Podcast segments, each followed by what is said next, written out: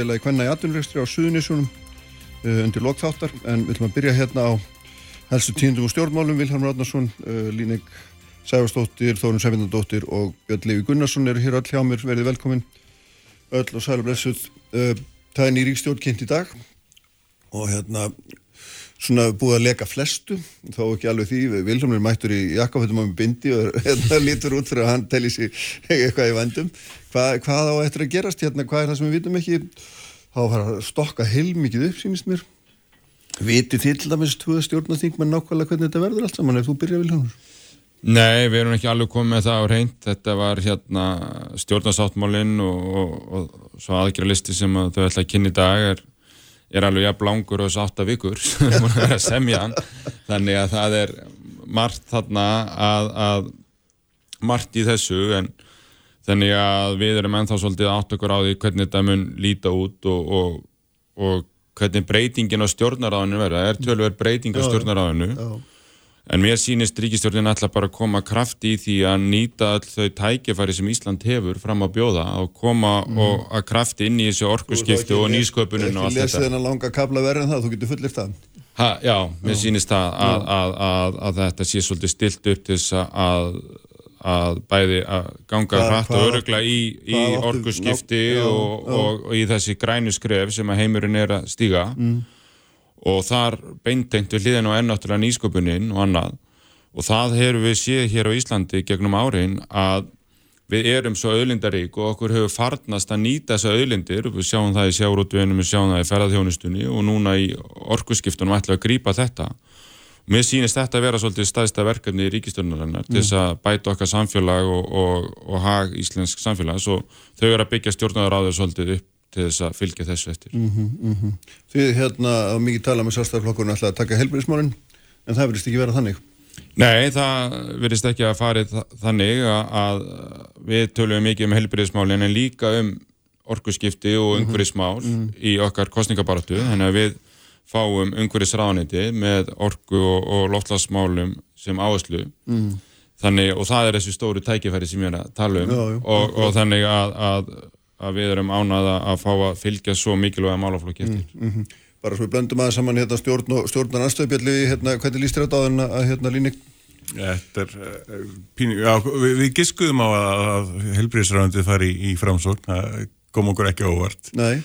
Það var, var svona giskuðum á hver yfirildi þarna á millið, það myndi lenda í svona, já ok, þá tekur framsókn það. Bara bestu framsókn. Mál, mála miðlunum á það að gera. Já. Uh, jú, kom okkur pínulítið óvart að umhverfis einn af afgefmyndi sleppa umhverfisræðundinu það verður mjög áhugavert að sjá það og klára ramma á allun og svona, svona, svona áhugaverða hluti sem hafa aldrei náðu að klárast hérna undanfarna, ára tugi einhvern veginn. Þannig að þetta verður uh, held ég áhugavert kjörtjöfambil miðaði, ég meina það er ekki eins og þessi flokkar hafi ekki unnið saman núna undanfartum kjörtjöfambil og það kemur manni óvart sko að það takir þannig að langan tíma þá að, að, að slípa þetta saman eins og, eins og þau verið mann hefði búist til því að fólk væri kannski búið að greiða úr þessu en, en það var einhvern veginn skrítið kapplöp svona fyrir kostninganar að, að þú veist segjast ekki vera að fara saman en samt ef þau fengi meirlita þá myndu þau fara saman en samt ekki hvernig. Mm þannig að það búið að taka náttúrulega tvær vikur að ó, hörðu við fengum meirlita, best að gera eitthvað? Það er mjög skrítið. Það er tvo mánuði mennarum Er það ekki, Já, hérna, jú, jú, jú. Linni, hvað, því, hérna, fransanglokkurinn, sko, hans ær og kýr sem að reyna að vera fyndin er, hérna, er þetta landbúnamálinn því ætlaði að gefa þau eftir er, það ekki, eða hvað? Það er að mistúst í þannig hjá flestum, er, er það rámt?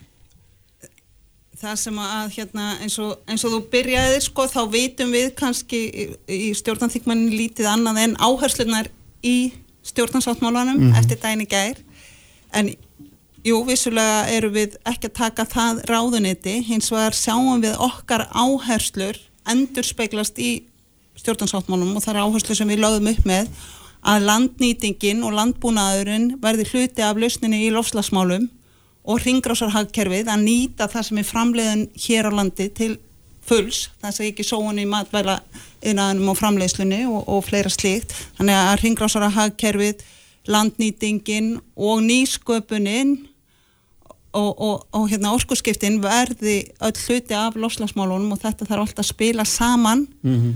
og, og kemur inn á, á mörg gráðaniti og ég hef litið þannig á að það sé einmitt hlutverk þessara flokka í sínu samstarfi að koma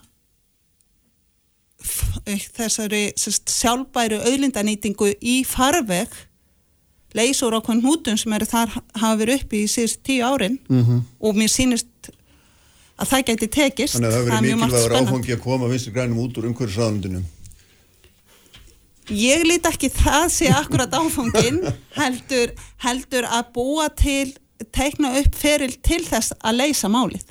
Já. endur skoða sem felur það í sér svona sem aður ekki satt? Já, vinstir græn koma að verkefninu eins og hinni flokkanir Já, já, en við vitum nú þekkjum áherslu þeirra á, á hérna miðhálindi stjórngarð og svo framvegin sem, sem að ykkur framsökumannu hugnaðist nú enga vegin Nei, það, það mm. verkefni gekk ekki upp eins og, eins, og, eins og það var lagt upp með já, en, en hérna við eigum fleiri sviðsmyndir og voru vinnu frá því 2016 og 17 mm -hmm.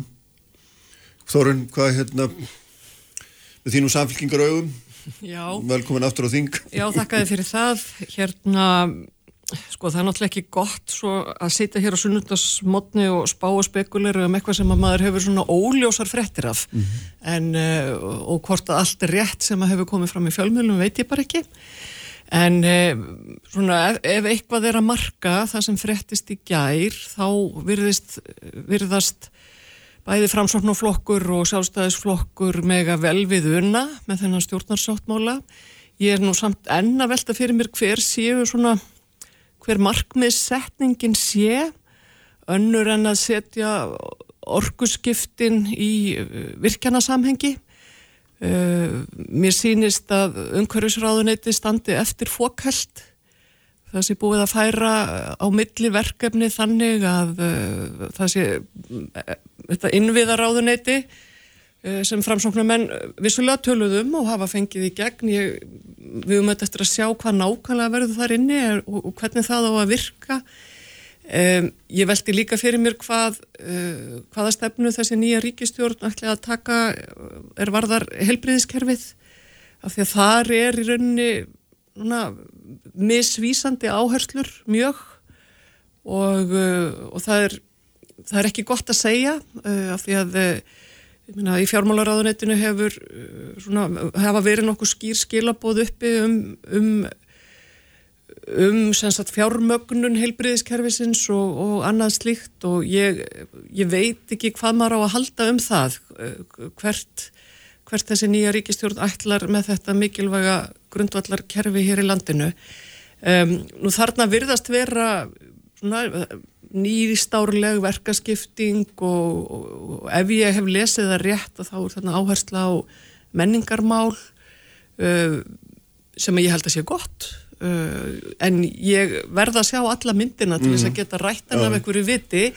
En jújú, jú, ég minna þau höfðu Uh, fórustu fólk þessar að tryggja flokka hefur nú haft góðan tíma til þess að ræða saman og, og, og þau virðast hafa nú gert það lengst af bara þrjú uh, og uh, með að við lengt fundana þingflokksfundana sem haldnir voru í gær eða hvaða stopnarið sem það voru sem að fjalluðu um stjórnarsáttmálan þá þurfti nú aðeins að, að kynna það fyrir græsvortinni hverja pælingarnar hafa verið um, en stjórnarsáttmálinn var samþyktur og ég, þau ætla þá vantarlega í dag að tilkynna hverja verða ráðherrar og, mm. og stæði á bestastæði.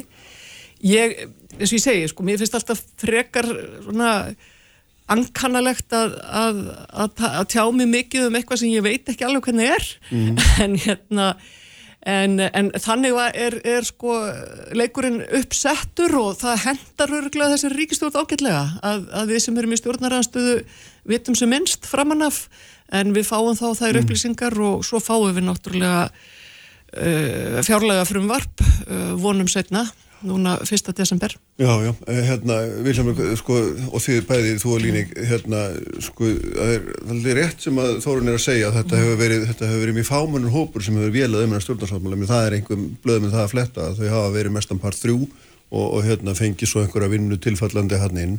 Og ég meina, og svo er þessi bara smelt fram í heilu lægi, hvernig virkar þetta eiginlega, hafið þið sem þingmenn ekkert um þetta að segja, er það, er það rétt skilið?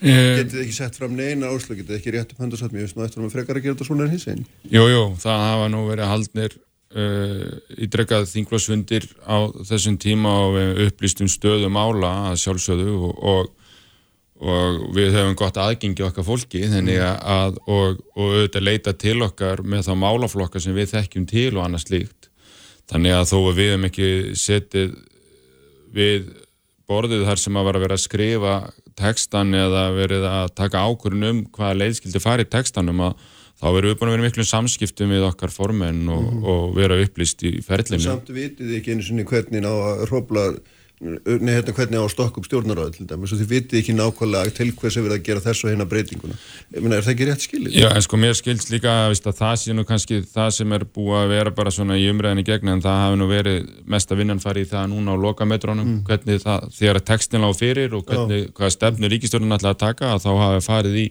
í þetta en svo skulum við ekki gleyma því að, að eins og okkar tilfellið þá er náttúrulega Bjarni formað flokksins og við erum nýkominu kostningabaróttu og hann er að, við erum búin að vera að berjast inn í mýmsu málum. Auðvitað veit hann huga okkar og veit hver stefna flokksins er þannig að við treystum honum alveg til þess að, að, að semja þessu mál og vita hver okkar afstæða er. Já, já, það er þannig. Og allir voru bara sammála þegar þetta lagt fyrir ykkur í gerð Ég sko, við erum eins mikið sammála eins og hægt er að vera í þryggjaflokka samstarfi. Það er náttúrulega það er bara þannig það, og það er erfið að vera í þryggjaflokka samstarfi heldur en tveggjaflokka Hvernig horfir þetta við þér og ykkur, Líni? Já, já, þetta er náttúrulega á samahátt í okkur. Við höfum fundað og, og, og þar hafa allir þingmenn lagt inn sínar kannski fórgangsáherslur en allt okkar áherslur endur spekla náttúrulega bara það sem við lögum upp með í kostningabaröttinni sem að og það kemur þar skýrt fram það er til dæmis uh, höfum við lagt mikla áherslu á eftirfylgni með badnamálunum eftirfylgni innleðingu þar mm. og, og, og hérna En samt á það að badnamálur áþræðan verður vantarlega af FG, er ekki? Við, það er svona eitt af því sem að ég er ekki alveg búin að átta mig á hvernig flist á milli en það tengist auðvitað líka sagt, það sem ég var ekki búin að segja barnamálin og fjárfestingi fólki mm -hmm. og mhm. lausn, leita lausna í allri þjónustu við fólk út hjá, frá einstaklingunum kemur líka inn á þá vinnu sem við munum vera að taka á okkur í helbriðsránit þannig að allt tengist þetta sko. Já, nú var félags- og barnamálur á þalvi sérstaklega settur á laggirna bara síðasta kjörtjafili, ótt að hanga saman Já, ég held að við höfum eftir að sjá okkur nýjar spennandi tengingar í þessu breytingum í stjórnarsráðinu en Já. ég er ekki alveg búin að mig á því hvernig barnamálin og skólamálin munu tengjast en þau munu tengjast uh -huh. því að nú er sko þungin af þeirri vinnu Já. hefur verið inni í, í, í félagsmálunum, barnamálunum uh -huh. en innleðingin sem er framöndan hún er gegnum skólana og helbriðskerfið uh -huh. Leifið, þú réttir upp hand, skilur þú meirinn ég? Hérna, já, ég skal svona, þetta er svona, pínu, pínu, pínu, pínu lendarmál svona já. kannski, hérna, náttúrulega fyrir þar síðustu kostningar, þá var engin áherslu einn barnamál fram og tilbaka, þannig að þetta virkar þannig þegar ráð þarf að koma inn í raðunitin og sjá, herðu, já, hérna verður að vinna í þessu og þessu, hérna verður að vinna í barnamálum, það verður að endur gera þau, herðu, þá ætlum ég að vera barnamálar á þeirra.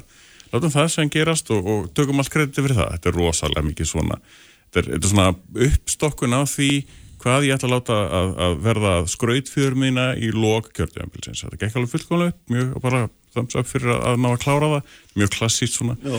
En svona almennt séð þá hefði ég viljað svona klóra bara þessi höstum yfir svona politiska ástandunni eins og, eins og það lítur út svona núna undarförnu að, að það er svo surrealist einhvern veginn að svona sýstur flokkanir svona hérna á þingi þeir einhvern veginn ná aldrei að vinna saman þeir, þeir, þeim, þeim finnst betra að vinna í rauninni með pólitískum anstæðingum á allavega á bladi mm. heldurinn í rauninni svona pólitískum er tala um samfélging og vinstir græna augljóslega Já. en svo eru náttúrulega eins og undanferðum ára tugum hefur náttúrulega verið sjálfstæðarslokkur og, og, og, og framsókn sem að veist framsókn segir sér vera miðjuflokk og svo leiðis nerunni velur sér alltaf til hægri þannig að það orð fara, fara að verða skrítið að tala um það sem miðjuflokk þegar allt kemur til alls svona bara munur á það hvað er orðið og borðið sko. Mm. Þannig að Pólitíkin er alltaf spes. Ég held að við þurfum að, að fara, að, að fara ofan í ekkið einhvern veginn og brjóta þetta upp og, og skoða hvað er í alvörunni að milli þess hvað fólk segir og þess að fólk gerir í pólitík. Einhver gjáþar á milli sem að, við finnst alveg skrítin. Mm -hmm. og, og þú myndur ekki játa því að það væri vegna þessara samningar sem þarf að gera um um þetta framkvæmmála. Það, það vantar uppgjur á svo rosalega mörgum mál. Man vantar að klára uppgjur með ESB, það vantar að klára bara uppgjur með það hvernig við ætlum að haga heilbreyðismálum og það vantar uppgjur á, á vinnumarkaði í launamálum hvernig þess að hjúgrunafræðingar eru búin að fara bara í gerðardómnuna, tvo undarfartan kjæra samning ásleis, þá vantar uppgjur á svo mörgu sem að má ekki gerast. Nýja stjórnarskræðin til dæmis líka, hann bara sett hann í skúfu leitum mm. vonumst til þess að þetta gleimis bara og, og þannig að við getum haldið áfram með, með lífið fyrir þá sem er á mótinni sko. en mm. samt eru við með þjóðaratkvæða greiðslu sem segir að vinslaðis kláraði þetta það, við fáum ekki uppgjörið og það held ég býr til þennan svona klopning sem að uh, er aldrei hægt að brúa af því að við fáum ekki uppgjörið Já, Þorun Já, ég Björn Levi er nú kannski að svona bara vísa til stöðunar almennt í umræðinu um stjórnmál mm. og hvað er sagt í kostningabaratu og hvað mm. kemur síðan í ljós mm. þegar að, búið er að, að raða í ríkistjórnir og annað slíkt.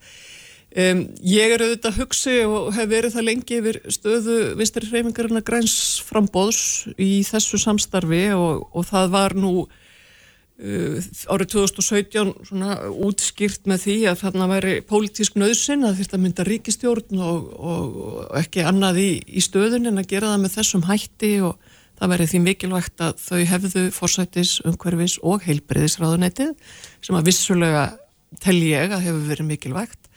En nú eru þær fórsendur allar aðrar og mér finnst það að vera ákveðin vatnarskill uh, fyrir Vafgi í, í hennu pólitíska landslægi og uh, sendir mjög skýr skilabóðum erendi þeirra og, og, og tilgangi í stjórnmálum og þá liggur það bara fyrir, ég menna það er svo sem ekkit annað um það að segja, mm -hmm. það er þeirra val og þá liggur það bara fyrir. Um, þannig að og við auðvitað erum eins og uh, að vinna í landslægi sem að það eru margi flokkar, þeir eru 10, 11, 12 í frambóði hverju kjördæmi það býr auðvitað til aðra dýnamík en hefur verið svona hefbundin í, í stjórnmálum á Íslandi, eða var allavega hefbundin og við erum að, öll að feta okkur inn í það, það umhverfi en mér finnst sko vitandi það litla sem ég veit um, um það sem að þessir þrý rákjötu flokkar ætla að fara að starfa saman að þá finnst mér þetta að vera svona, já, frekar fyrir sjónlegt en, en, en kannski ekki kannski eh, ekki beinlýnist til þess gert að, að, að fara með róttækni í einhver grundvallarmál. En ég minna all þessi uppstokkun ráðanettana og tilflutningur á málaflokkum en nú svona, ég, nú, mjög, ég hefði nú ekki gett að giska á það allt saman. Nei, nei, ekki, ekki, ekki ég heldur, ég hefði svo sem ekki gett að giska á það og það hefur svo sem áður gerst að, að málaflokkar eru fluttir á milli ráðunetta og Þetta er, já, þetta er að veriðast nú vera ansi, ansi já, já, djart. Já, já, ég menn og það eru þetta verið að búa til ráðuniti fyrir tólur á þeirra, það er alveg þannig, það, það, við skulum alveg horfa á það með opnum augum að þau, þau, þau, þau vantar greinlega fleiri stóla til að láta þetta ganga upp. Og síðan eru svona undir... Politist ekki praktíst. Nei, politist, ég meina að sjálfsögðu, en, hérna, en, en svo eru þetta undirliggjandi sko risavaksin viðfónsefni sem að Línek Anna komið mitt inn á hér áðan þegar að tala um barnamálinn af því að ásmundi einari tókst aldeilis að slá sér upp á þeim. En öll eftirvinnslan og úrvinnslan er, er eftir. Og, og framkvæmdin er í rauninni meir og minn á sveitastjórnastíginu og nú þegar við erum að tengja saman við skólana mm -hmm. uh, þá veldi ég fyrir mér og, og það verður bara mjög fróðlegt að sjá það hvort að þessi nýja ríkistjórn ætlar að taka til skoðunar tekjuskiptingu ríkis og sveitarfélaga eh, styrkja sveitarfélaga stígið gera þeim fært að vinna að þessu málum að, að því ég held að við, við að engin stjórnmálaflokkur sko sé mótfallin því að auka stöðning við börn og ungmenni og fjölskyldur þeirra um hvernig það er gert og hvern, mm -hmm. hvað það má kosta, Já. það er grundvallaradrið. Línek, þú vildir hérna bregðast þessu hvað? Já, ég er bara mjög mikilvægt að koma því að framfæri að mhm. sveitar samtöks samband íslenska sveitafélag var náttúrulega með í þessari vinnu og í, í, í undirbúningsvinnunni að breytingunum í málefni barna og það liggur fyrir og lág fyrir áður en frumvörfum voru samþygt kostnægreining á því þannig að þar eiga bæði ríki og sveitafélag að koma að með fullkomlega upplist um fjárþörfuna. Mm -hmm. Af hverju er hún þá ekki fjármála áallinni? Hún er þar, Björn Levi. það var enginn fjármála áallin síðast eða minnið það. Björn Levi fjármála áallin, hann hefur lúslesið þetta einasta stað. Ég valdi að segja þess að kostnæra áallin verðandi í fjárlega nefnd. Nei. Nei, nei, en ég meina það eru auðvitað bara, við erum alltaf hér í einhverjum svona blindingsleik sem er nú kínu skrítin sko en af því að ef maður á að geta tjáð sig af hverju vitum þetta, þá verður maður að vita hvað það á að fara að gera. Já, en auðvitað skipta mm. sko og ekki síst á þessum tímum þá skiptir náttúrulega mjög miklu máli að bara öll vinna, fjárlaga vinnan, ríkis fjármálin og ofinbyr fjármál, þar með talin fjármál sveitafélaga að, að nú vandi sig verði vanda til verka við að styrkja stöðuna í kjölfar COVID mm. en halda samt sem áður uppi jafnvægi og, og stöðuleika í verkefnum. En sko hérna, já, Vilhelmur hérna, sko eitt áðurna sem langar líka að nefna við ykkur það er náttúrulega ljóst að við vitum það verður hérna viðskipturáðandi verður endurvakið verður hérna, endur stopnað eftir að það var hérna, innlimað inn í fjármálurandi. Það, það þótti nú ótrúlega vondum en þegar það var stopnað á samfélgjikunni hér um árið en allt er það. Já, en ég finna og þú varst að segja mér aðan að menningarmálinn færi þangað inn að stórum hluta. Ég menna, er þetta eitthvað sem veist, er búið að ákveða? Eða er þetta bara svona í, þetta er mjög ótrúlega margt þess að vera svona bara alltaf á sveimi? Já, það getur vel verið að, sé, að, að það sé komið mist langt í að ákveða nákvæmlega en, en, en þarna er að vera að horfa til þess hvað margt í menningunni beintengist ferðarþjónustunni og að því að þau eru að tala um hérna hér Björn Lefið með sína liðræðislega ást og talar um stjórnaskrána sko að þá varum við líka að horfa að það niðurst þessu kostninga á liðræðislega að við vildi hafa ríkistjórnuna svona samansetta og, og, og að þjóðin finnst flott og gott að hafa þessa mismunandi ása verið að takast á innan ríkistjórnarinnar og, og það er niðurstæða kostningan og það er það sem þessi ríkistjórn er að fylgja eftir og, og um einmitt nýtt ráðuneyti og, og hvernig við skiptum upp ráðuneytunum. Mm.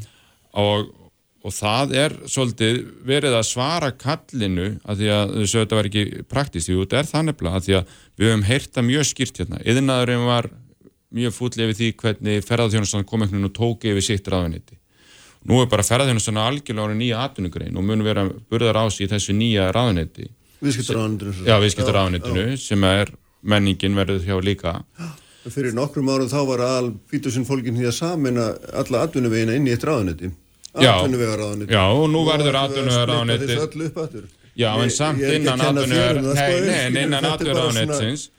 En það bara sýnir fram á það hvað atvinnuveginir okkur, matvælaframlegslan, ferðarþjónustan orkan og, og, og bara auðlindanýtingin mm. og sjáurutverðin, þetta er allt í svo miklu um vexti og þetta er að vera svo stórar og mikilvæga greinar hérna mm. og þannig að, að það hlýtur að teljast eðlilegt að stjórnaráðu tæki miða þessum samfélagslegu breytingum og það er einmitt þetta ráðuneyti og þessir hérna atvinnuvegir sem að er að standa undir velferðin í þessu samfélagi mm og þá held ég sín ekki ómikið lagt að hafa ráðuneyti, burður ráðuneyti til þess að fylgja þessu eftir. Já, ég mitt fyrir.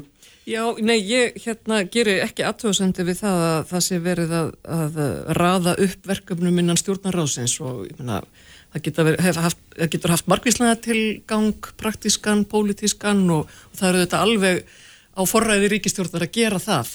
Um, það sem að svona, mér langar nú samt að segja sko að því að Viljálmur, það er rétt að þessi ríkistjórn held velli, ég er ekki, ekki breyður á neðstöðu kostinga, en auðvitað voru aðri kostur í stöðinni, mm. skilur og það er auðvitað kannski það sem að hérna líka maður velti fyrir sér þegar að menn velja sig inn í ríkistjórnarsanstarf eða velja sig frá því. En ég svona sko undirliggjandi og nú segi ég enn og aftur án þess að hafa þessa mynd skýra fyrir fram að mig, þá auðvitað eru en við erum uh, lítið auðlindaríkt land og höfum nýtt náttúrulega rauðlindir okkar og orðið rík á því, við höfum náttúrulega líka gjörnýttar og farið illa á því en, en sem betur fyrir tekist að vinda ofan að því eins og í sjáurútveginum En mér langar svo að vita sko, hvernig við ætlum að byggja upp nýjar atvinnugreinar, stiðja við nýsköpun og, og, og sprota í atvinnulífinu. Sumta því að þetta byggir á, á náttúruöðlindum og byggir á því sem við höfum að sjálfsögðu. En við erum samt svolítið að sko, það er svo mikilvægt núna að við sko, gerum okkur grein fyrir því að nýju störfin sem verða til þau, við þurfum að skapa forsöndur til þess og við þurfum að hafa og sko, við þurfum að hafa fjárfestingarsjóði, við þurfum að hafa mentun og kerfi þannig að fólk geti unnið í öðru en þessum þremur aðal útlutningsgreinum okkar sem eru vissulega mjög mikilvægar, okkur vantar fleiri og okkur vantar einhvern veginn skýrar í sín til 2050 mm -hmm. og ég einhvern veginn, það sem að ég svo sem það sem ég finnst vera einhvern veginn eða fórst fyrir kannski í pólitískuru umræðu í þessu COVID ástandi sem við erum búin að vera í síðastleginn tæp tvö ár er að taka alvöru umræðan um framtíðina. Við erum búin að vera svo först í þessum, þetta þurfum við að mhm. leysa og ég skil alveg hvers vegna en nú vonandi sko, þú veist, komumst við þangað. Það vantar alveg þessa framtíðar umræðu. Aha. Björnlegu, þú ætlaður að svo lína Já, ég meint sko, líðræðis ást mín er það mikilvæg, ég vil gera það sem að niðurstöður þjóðarat hvaða græslu segja mm. uh, ég vil að þegar að það er brota á örgi kostninga og þarf að afum niðurstöður þeirra þá njóti líðræðið vafans og þegar að flokkar tala um það fyrir kostningar að, að það eru málefnin sem eiga ráða þá býst maður við því að fólk spyrji hvernig uh, málefnin nái framgangi því að það heyrðist ekki eitt píp frá neinum af þessum flokkum sem hafa verið í ríkistofnarsamstarfi um það hvort að málefnin þeirra næðu framgangi, meiri framgangi í einhvers konar annars konar stjórnarsamstarfi. Ekki eitt. Og það finnst mér rosalega svona góð, eða slæmsaga er raunin að segja um einmitt hvernig líðræði og kærleikur á því á, á að virka. Ef að það er sagt sérstaklega fyrir kostningar málefnin eiga ráða og það er ekki eins og reynd á, á það þá bara verður maður að eftir aukslum og segja nei, þetta er bara ekki doldið þannig að það er ekki áherslu á líðræði hérna. Já, ég ætla nú bara að byrja þannig að þess að Björnlefi endaði, ég átta mig nú ekki á því hvernig, hvernig Björnlefi getur metið það á hvaða hátt aðrir meta hvar þeirra málefni fá mestan framgang Nei. því ég held að það sé bæði, bæði hver og eitt þing Þannig að þú ert við sem eitthvað málefni fái besta framgang í þessu samstarfi? Í, í þessu samstarfi tel ég að mm -hmm. Okkar áherslu fyrir síðustu kostingar eigi tækverð til að, að fá framgang og, og raunar og, og, og fannst náttúrulega skila på kostingarna vera þau að okkar áherslur ætti að fá framgang. Við náðum góðum árangri í þessum mm -hmm. kostingum á grunni þeirra vinnu sem við vorum í á síðasta kjörtíðanbili. En ég baðum orðið að því mér langaði eins að koma inn á atvinnu uppbygginguna og það er auðvitað eitt af því sem að, að kannski er, mér fannst, finnst svolítið óvand í því sem er komið út um stjórnarsáttmáluna er samspil háskólana og nýsköpunarinnar mm. og ég er svo hjartanlega sammála þórunni að nýsköpun sko þó að það sé, sé ekki grunn atvinnum veir þá byggja þeir mikið að nýsköpunina á náttúrinu, auðlindanýtingunni okkar hvort sem við erum að tala um kveikmyndir eða, eða hátækni þróun og við erum náttúrulega á þeim stað að það eru svo mikla tækniframfærir og það eru svo mikla mögu, möguleikar í fjarskiptunum til þess að gera nýja hluti í samspili háskólana, tækninar og, og, og hérna, nýsköpunar út um allt land mm -hmm. og, og ég held að við höfum eftir að sjá bæði vegna stefnu þessara ríkistjóðnar en líka bara vegna ytri aðstæðana sprengingu í fjarnámi, fjölbreytileika í, í sagt, samspili búsetu og, og atvinnu bæði innanlands og, og bara um þvert á heiminn. Þetta hefur þú eftir að lesið úr þessum sáttmála sem þú sást í gerð Að nokkru leiti en þetta eru líka svona hugmyndi sem ég hef tölverst búin að velta fyrir mér. Já, já, já, akkurat. En, en, en eitthvað sem að Ríkistjóðin ætlar sérst að fara mm -hmm. að vinna með. En annað sem er líka því að ég heldur áfram að hjakka þessum breytingum á ráðnöytum að því mér er það líka, ég meina, eitt elsta ráðnöytið á Íslandi í íslenski stjórn síslu er náttúrulega mentamálráðnöytið ég sé ekki betur á þenn tilvægum sem að maður hefur, hefur lesið að það er að hljúfa það niður í 20 eða 30 Já, líklega. Nú spyr ég ykkur á því, er það, það tilvæglið? Já, ég held að það sé rétt hjá þér að, að það sé fari í, í, í þrjá hluta. En, en það er líka uh, gríðilega, hefur verið gríðilega stórt og útgjaldað mikið ráðunetti og, og, og háskólanir til dæmis og, og nýsköpun og vísindasjóðnir hafa verið að taka miklu, miklu meiri stærri sess. Mm -hmm. Þannig að þeir, hérna, þannig að nú er verið að endurhugsa að það á miklu meira samleið með nýsköpun, þannig að nýsköpun vísinda starfið og og eðinaðurinn, sem sagt aðtunni þróunin, eigið þá betur saman þar Þannig að þetta verði háskólar, vísindasjóður og nýsköpun. Þeir, það verði sem saman undir einum ráð þeirra. Já. Og svo verði framhalds- og grunnskóli undir einhverjum skólamálar á þeirra eða, eða hvað þetta á að heita. Já, ég veit ekki, það mun bara vera áfram öruglega mentamálar á neyti. Það verður mentastofnarinn ríkisins, ég menna, því þú sagður og menta menningastofnarinn, þú sagður að viðskiptaráðandi tætti að taka menninguna, ég menna, hvað verður það hlutur eins og verður þjóðlíkursið undir stofnum viðskiptaráðansins? Já, ég, áskilur, það er tilfellið. Ég hef ekki síðan fórsett úrskurðin eða nákvæmlega hvernig Nei, þessu er, sko. Já, þetta er vantalega bara eitthvað sem að þau munu kynna betur í dag, hvernig þau sjá þetta fyrir sér og, og ég... Hvað hefur þú heyrt um þetta líning? Ég hef ekki hlut, ekkert, ekkert, veit ekki Hvað finnst þér eðlilegt? Myndist þið finnast eðlilegt að þjóðleikursi væri undir viðskiptaráðundinu? Er það, er það eðlileg hérna, ég veit ekki, kannski maður bara svona trénar í hugsun á orðtuga, ja, ég veit ekki. Kannski. Já, sko, en þetta, ég, maður hefur náttúrulega heyrt skýr skilaböð frá menningun alltaf, að hversu mikilvæg og þjóðaslega mikilvæg hún er. Og, og, og þannig að, að og auðvitað er menning bara einn af, af atvinnugum þjóðarinnar Já, og, og, og mikið af, af já, og er, er stór hluti af okkar efnaðskerfi þannig að, að ég held að þetta þurfu ekki að vera óæðilega og líka eins og kom inn á er mjög beintengt því sem við erum að gera í mm. ferðarþjónustu mm. og menningatengt ferðarþjónustu en heldur betur eftir svona að vera ferðarþjónustu Ég, ég lesa þetta þannig bara hér þegar ég er að hlusta á hérna Línek og Viljánum að þetta sé svona einhvers konar Íslandsstofur ráðunetti það sé verið að, að og auðvitað er menning útlutningsgrein í sjálfur sér og skapandi greina mjög mikilvægar en ég, svona, ég er hans hugsi yfir því sko, hvað, hvað það þýði ef, ef þetta er svona að, mm. að hvað það þýði fyrir sko græsrótina fyrir sko, menningastarfið í landinu mm. því að það þrýfst í græsrótinni og það hefur eins og allir vita sko, þó, þótt að við eigum sko, listamenn á, á heimsmæli hverða og sem að hafa gert það gott og þá er það ekki þannig að svona hinn almenni listamæður er nú ekki beinlinis að, að, hérna, að græða og, og grilla.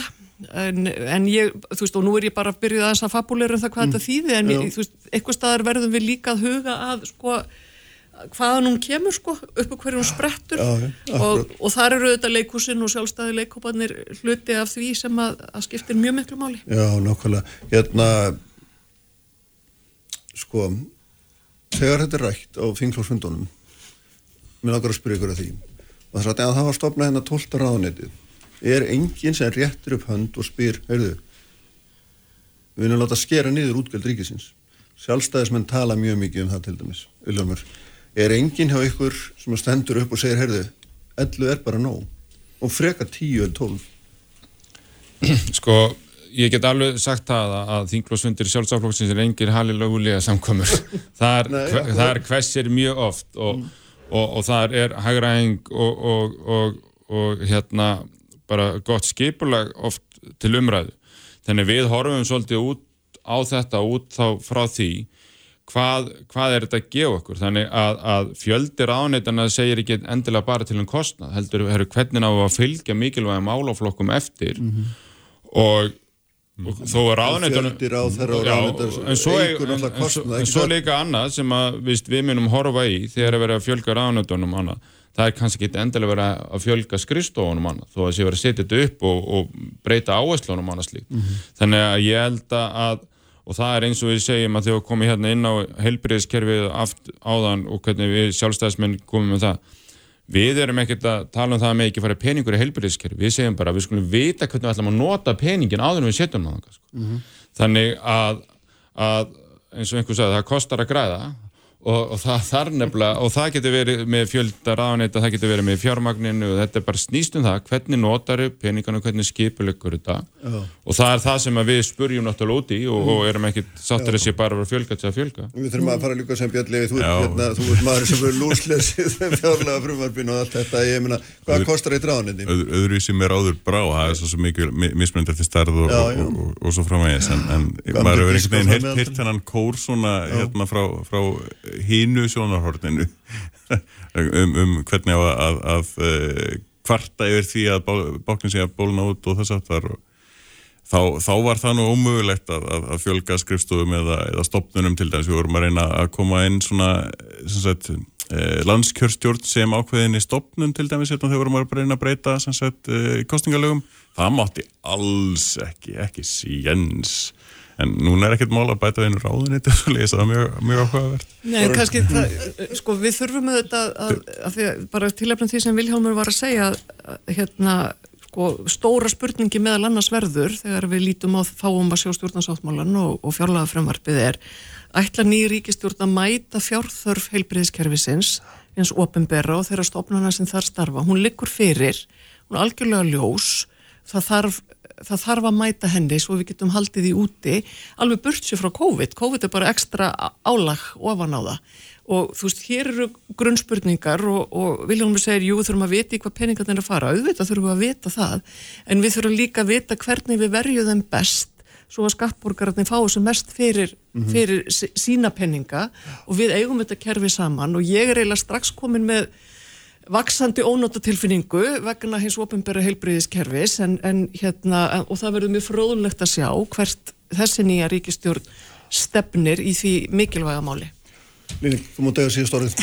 Já, já, ég lít þannig á að það sé einmitt mikil tækifæri í svona breytingu til þess að auka samleið kannski máluflokka sem að eiga orðið samleið núna í, í breyttu samfélagi en áttu það kannski ekki fyrir 10, 20 eða 30 árum og, og ég held að séu líka einmitt mikil tækifæri í heilbriðskerfinu til að nýta peninga vel með samspili ólíkra blandaðra leiða mm -hmm. og, og, og þannig að helsugjæsla spítalakerfi og en, eða, eða sagt, já, engaregstur vinni saman og það sé horta það hvernig fjármunni nýti sem best, bæði mm -hmm. í forvörnum og þjónustu við einstaklega Eitt málflokkur sem vantar inn í kannski sem ég hlakka til að sjá það eru húsnæðismálinn ekki, Já, píp, ekki pípum það hef ég hert í þessu. Nei, það er nú vantarlega í innviðunum er það ekki? Ég held að það ljóta fallast undir, undir það. Það held ég líka, að Björn Levi Þórun, Línek Vilhelmur, takk vel fyrir að koma. Svo fáum við að mita eitthvað meira klukkan eitt. Já, takk, takk. Það ættum að vera eins og við er fritt, takk fyrir að koma og Kári Stefansson er hérna hjá mér Takk fyrir. Uppspretta frétta á Sprengisandi á Bilginni Kraftmikil umræða, alla sunnudasmórna, sprengisandur á bylgjunni. Sæljarturlustendur, þingmannahópurinn sem var hér upphafi, fjallam ríkstjórnars mynduruna sem nú verður kynnt eftir hátdegið uh, farin frá mér og þær verða hér í lokþáttar forsbrökkar og félagi Kvenna í aturlífun og sögnisum, uh, Fýta Abu Líbet og Guðni Birna Guðmundsdóttir, en sesturinn og hjá mér er Kári Stefánsson, fórstur íslenskar erðagreiningar, æfinlega heil og sæl og velkomin Kári. Takk, takk. Við ætlum að fjalla um Omikron-vírusin og hérna sem að eiginlega fréttist nú bara af rétt fyrir helgina svona einhverju marki og, og slónu svona ákveðinni ákveðinum óhuga fólk og, og þarna og víða viðbröð nú þegar Ísrael allir með svona loka landinu hvað hérna, ef ég spinnu bara opið, hvað er eiginlega á segði? Í, mér er ekki alveg ljóst hvað er á segði. Nei. Því að, að e, það er hardla lítið vitað um uh, SARS-CoV-2 veiruna með þessum 32 stöppbreytingum sem líst er í Omikron mm í Þessar stöppbreytingar er í, í þeim erðavísi sem býr til etikvítuefni sem bindur veiruna við frumur líkamans og hjálpar þeim inn í frumundar. En e, það eru eingin gögn sem sína fram á að, að veiran með þessar stöppbreytingar sé smitnæmari heldur en veiru sem eru án þessara stöðbreytinga. Það er engin gögg sem benda til þess að, að hún valdi alvægleiri sjúdóm, meiri segir að er að berast út fréttur um það hún valdi ívið vægari sjúdómi en, en sem að ég held að sé bara næstu því órökstuð kenning mm. og einhvern veginn sko það má vera, jú endanlega að, að, að þetta sé hættulegt form af veirumni en við höfum bara engin gögg sem sína fram á það. Þetta eru þarna sitja menn og lesa í þessa stöppbreytingar eins og menn gerðu hérna í Rorschach-testið þar sem menn sjá eitthvað minnstur og er að reyna að geta sér til um það hvað minnstri þýði. Mm. En það er tilgjátur eins og stendur eiga miklu meiri rætu sínir í því sem hefur gest innan höfustjálja manna heldur en það sem hefur gest út í fíldinu. Já. Og e, sá sem fyrstur brást harkalega við þessu af leitum þjóða var Bóris í Breitlandi og maður hefur kannski af tilfinningunni að þetta hefur verið hans leið út úr þeim vandraðum sem hann kom sér í í síðustu viku. Já. Já, en en um, það er alltaf ástæði til þess að velta fyrir sér því sem er að gerast en um, og uh, búa svo undir einhvað slant megi kannski hend okkur. En í þessu tilfelli þá er þetta er viðbröðin langt umfram það sem gögnin gefa tilefni til. Já, þannig að eins og við nefndum hérna Ísraelsmennu það er þetta fleiri þjóðin og þegar farnar að svona grípa til einhverja viðbröð þannig að svona þínum að myndi það vera óþarlega hart. Ég, þessi sko í, í uh, að, að uh, annar lögmál í klassísku raukfræði er, er að þú getur komast að réttri nýðustóður öngum fósendum. Mm -hmm. Ég held í fram að, að, að það samauðleitis veri hendi að stöðu viðbröð að minka streymi fólks yfir landamæri sé, sé rétt nýðustöðan en fósendan sem er svo að að ómíkrón sé sérstaklega hættulegt forma verunni eins og stendur mm. er, er bara raung fórsenda Já, en uh, það er þegar maður, það er litla sem ég hefur reynda náða að lesa um þetta, er, þá er það mjög mikið tala um þennan fjölda hérna, stökkbreytingar sem þú nefndir, að það sé það sem gerir þetta eh, flókju erfitt viðfáðsefni og líklega til þess að vera hérna Það, það, það eru fjöldi stökkbreytingar sem hennar lesi, Já. það sem að, að veldur römburlugum áhugjum er fjöldi smita ef að þessi veira hefði smitað mjög stóran fjölda fólks þá hefði maður ástæði til þess að vera áhyggjum fullur mm. en það vil svo til að til dæmis í Súður Afríku þá held ég að heldarfjöldi þeirra sem hafa greins með þetta forms í kringum hundrað. Þannig að, að, að þetta er eins og stendur þá þá e, í, sko, eru, eru fréttir af, af óknvælegum krafti þessa veiru forms eru svo allar ítjur. Já, já sko það er, hérna, þú segir að þetta sé svona fáir og, og, og þarna, en það er samt sem áður hefur þeir nú tekist að hérna, koma veirunni þarna milli, það er mörg hérna, staðfest tilvík nú þegar hingað og þangað með Európu til dæmis, uh, Antoni Fátsi heldur því fram að veiran hljóta vera komið til bandrækjana líka. Um, Sko það er með Tony Fauci sem, sem aðra menn að hans hans eh, geta þess að spáfröðum svona lagið til til að lítil mm. í, hann byggja sjálfsagt á ádiskun sína af því að það er mjög lítið gert af því að ræðgreina þessa veiru í Afríku og uh -huh. hann er sjálfsagt að geta sér til um að hún sé miklu útbreytari heldur en gögnin sína eins og stendur og þá má velverðin hafa rétt fyrir sér það uh -huh. en þetta er bara ádískun -huh. þetta er ekki þetta er ekki spá sem byggir á, á einhvers konar spálíkanni sem hann hefur sett saman held bara hann er að díska Það verið einn einstaklingur greins með þessa veiru það hafði í djær í Breitlandi og þar raðgreina minn grimt. Í, en, en í, kannski þegar við, við setjum sniður, við setjum sniður í, eftir tvær, þrjá vikur þá, þá gæti það verið komið ljós að þetta formveirunar var í stór hættulegt en eins og stendur þá vitum við það bara alls ekki. Nei í sá maður til dæmis sem hefur leitt hvað mest rannsóknir á, á bólusetningu gegn þessari veiri í Breitlandi heldur því fram að það sé ótímabært að vera með spátúma um að, að, að þessi veiri að sleppi fram hjá ónæmistjörfunum þannig að ég held að við, við dróðum bara djúft andan mm. e, höfum okkur varlega eins og við um gert um hríð. Tölum illa um e, nýstjipaða ríkistjórn þannig að, að, að sko, við vitum við vitum að nýstjipu ríkistjórn hlítur að vera dáti hættuleg en við vitum ekkert hvort þessi ómíkron vera verður eða ekki Nákvæmlega, en sko það sem hérna, höldum aðeins áfram að tala með um þetta, það er nú gott að heyra að hérna, þú metur þetta svona með þessum hætti að því að mjög stað svona ef maður, ef maður sleppi sér lausum í pressuna í dag þá uh, svona viðalendist á hérna hafa minna þessu greinlega tölur áhyggjur víða. En, en hérna sko eftir því sem að mér skilst að þá þarna sé líklegt að þessi veira þróist í líkamum eða líkama einhver sem er háið vafsmeitaður og er með mjög laskað ónæmiskerfið og þaðan verður þetta stökkbreyta fyrirbríði til. Hefur þið séð eitthvað um þetta? Ég hef séð í kollega minn Magnús Gottfriðsson velta þessu fyrir sér mm. og þetta er allt í lagi að velta þessu fyrir sér að setja stjæmpunar og kannski reynist það rétt og kannski ekki. Já.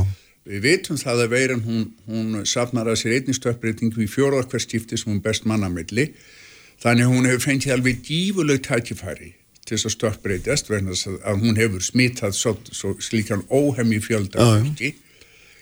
Og, og, um, í, og það, er, það er kannski það er kannski ekkert, ekkert óskinsamlegt að rekna með því að, að þegar hún mallar í fólki í mjög langan tíma að, eh, að þá safn hún enn meiri stökkbreytingum En ef hún er að, að leggjast á mjög uh, ónami spælt fólk, þá reiknar maður kannski með því að hún, hún sé líkleri til þess að deyða það fólk og það sé þar alveg ólíkleri til þess að flytja því yfir til annara. Uh -huh.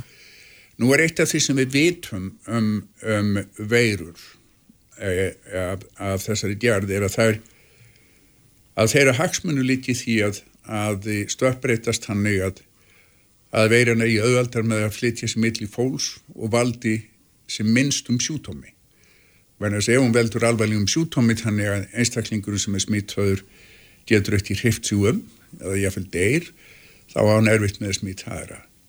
Þannig að það er, það er ekkit ólíklegt að við endum uppi með einhver forma þessari veiru sem er töluvert smittnæmar en þess að við höfum í dag. Mm. en þá hættum minna einstaklingum Já Hver, hver er munurinn á, á þessum variandi að þessari, þessu afbreyði og til dæmis hérna, það sem kallað var Brasilíu afbreyð, Kent afbreyði var eitt hérna sem kom frá Breitlandi. Alfa, Delta, já, þessi, já, já. þessi það, það, það sem vekur, vekur eða, eða það sem að, að kvetur ímyndunar fólks mm.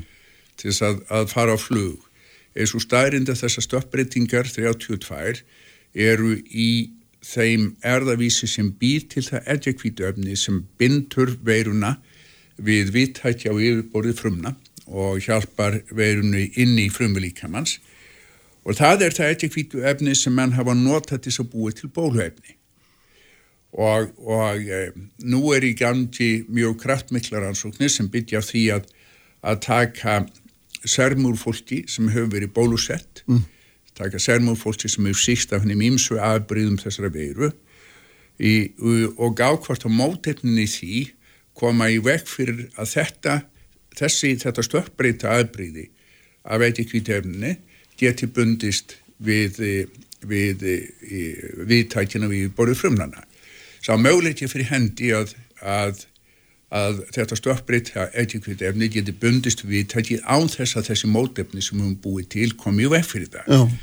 Hinn mögulegt ég líka sá að, að, þessi, að, að þetta etikvita efni sé orðið svo stökkbreyt að það bindist ekki við viðtækið. Það bindist veikar við, við viðtækið heldur heldur en þetta etikvita efni úr öðrum formum að verumni.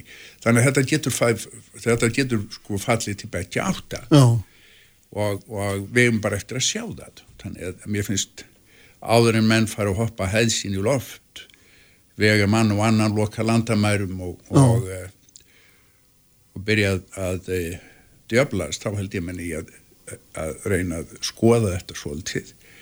Hínliðin er hins vegar svo að, að það er alltaf betra að vera á undan heldur nú eftir þegar kemur svona aðgerðum Ég held að við á, á þessu átjættalandi um bara á sko beinfallega að halda áfram eins og við höfum gert hingja til Já. halda áfram að raðgreina veiruna eins og við höfum gert nýri Vasmíri úr öllum þeim sem að greinast þannig að ef að þetta eh, aðbríði kemur hingað þá eigum við ekki að grípi það í greinum kvelli Já. Þannig að það myndi vera hérna, ef við ekki að gera östu klíð núna setja nokkru ölsingar og höldum svo áfram eftir eftir smástund Sprengisandur Hlustendur bylgjum Alltaf björnt og brósandi. Þetta er Bilkjan. Bilkjan. Frettir þjóðmál og pólitík. Sprengisandur á Bilkjunni.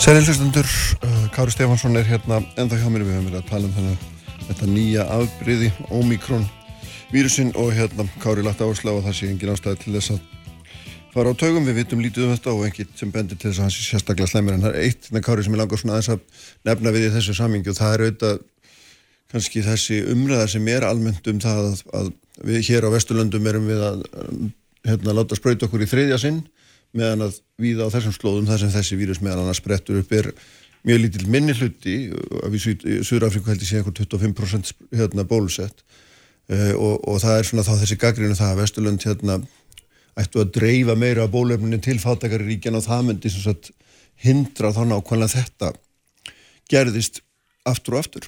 Er þetta hérna kenning sem þú myndi skrifa undir? Ég, svo samanlega, ég held í framhinsvegar að, að þetta sé ekkert sértækt fyrir þennan faraldur. Nei. í gæðum í þessum heim er mjög misstift e, það er mjög mikil misrétti þegar kemur að gæðum og aðgjendi að helbiðstjónustu og aðgjendi og gæði helbiðstjónustu í, í Afríku er fyrir neðan allar hellur. Það er einnig spurningum það. Það er hins vegar að e, það sem ég finnst miklu meira okkveitjandi í sjálfum sér heldur um fréttir af einhverju einhver stöppbreytingaminstri í veirunni er svo staðrind að, að sjö mánuðum eftir að menn hafi fengið tvo skamta að bóluefni eins og því frá Pfizer þá uh, hafa menn afskaplega litla vörn til hverjunni. Mm. Þessi að mótefnin þau falla nýður til túlega rætt og um, til dæmis þá, þá uh, til dæmis þá get ég sagt að við voru nokkru sem fengum í svona þreyðja skatt af, af þessu bóluefni fyrir hvað? Átt að vikum síðan eða svo. Og uh, við höfum verið að mæla hvernig bóluefnið fell, eða þar sé mótefnið falla og þeir verið að falla um, í, um uh, já svona þau verið að falla um svona 40% á, á hverju mánuði sem er ansið mikill Já og, og ja, það þýðir það að við verðum kannski í, í daldun tíma að halda áfram að, að e, gefa fólki bólusetja skamt og það, það er engin stinnsem í því að, að bólusetja fólk að, að bólusetja fólk ekki að því margi að þau veiti eins mikla vörn eins og mögulegt er með því að nota þessi bóluefni. Þannig að það er ekkit að því að bólusetja fólk þrís og sinnum. Mm. það er bara nöðsilegt Já það er hins vegar askaplega sárt að vita til þess að, að við erum ekki búið til nógu mikið á bóluefnum til þess að það sé hægt að, að gera þetta um allan heim. Það er einhverjum gert í, í þessum ríkar í löndum og það er, það er í sjálfum sér ógæðfelt og við verðum að, að sitja upp með saminsku bitið við því. Mm. Mm.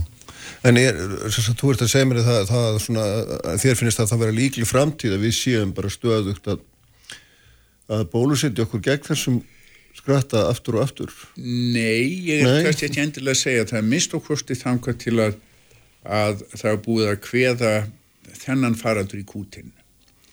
Síðan má vera að ef þessi veira sprettur upp aftur og aftur og þá þurfum við að bólusetja ákveðna hópa mm. aftur og aftur og ekki endilega alltaf sama hópin en, en, en eh, litla hópa við um heim. Já, hvað hérna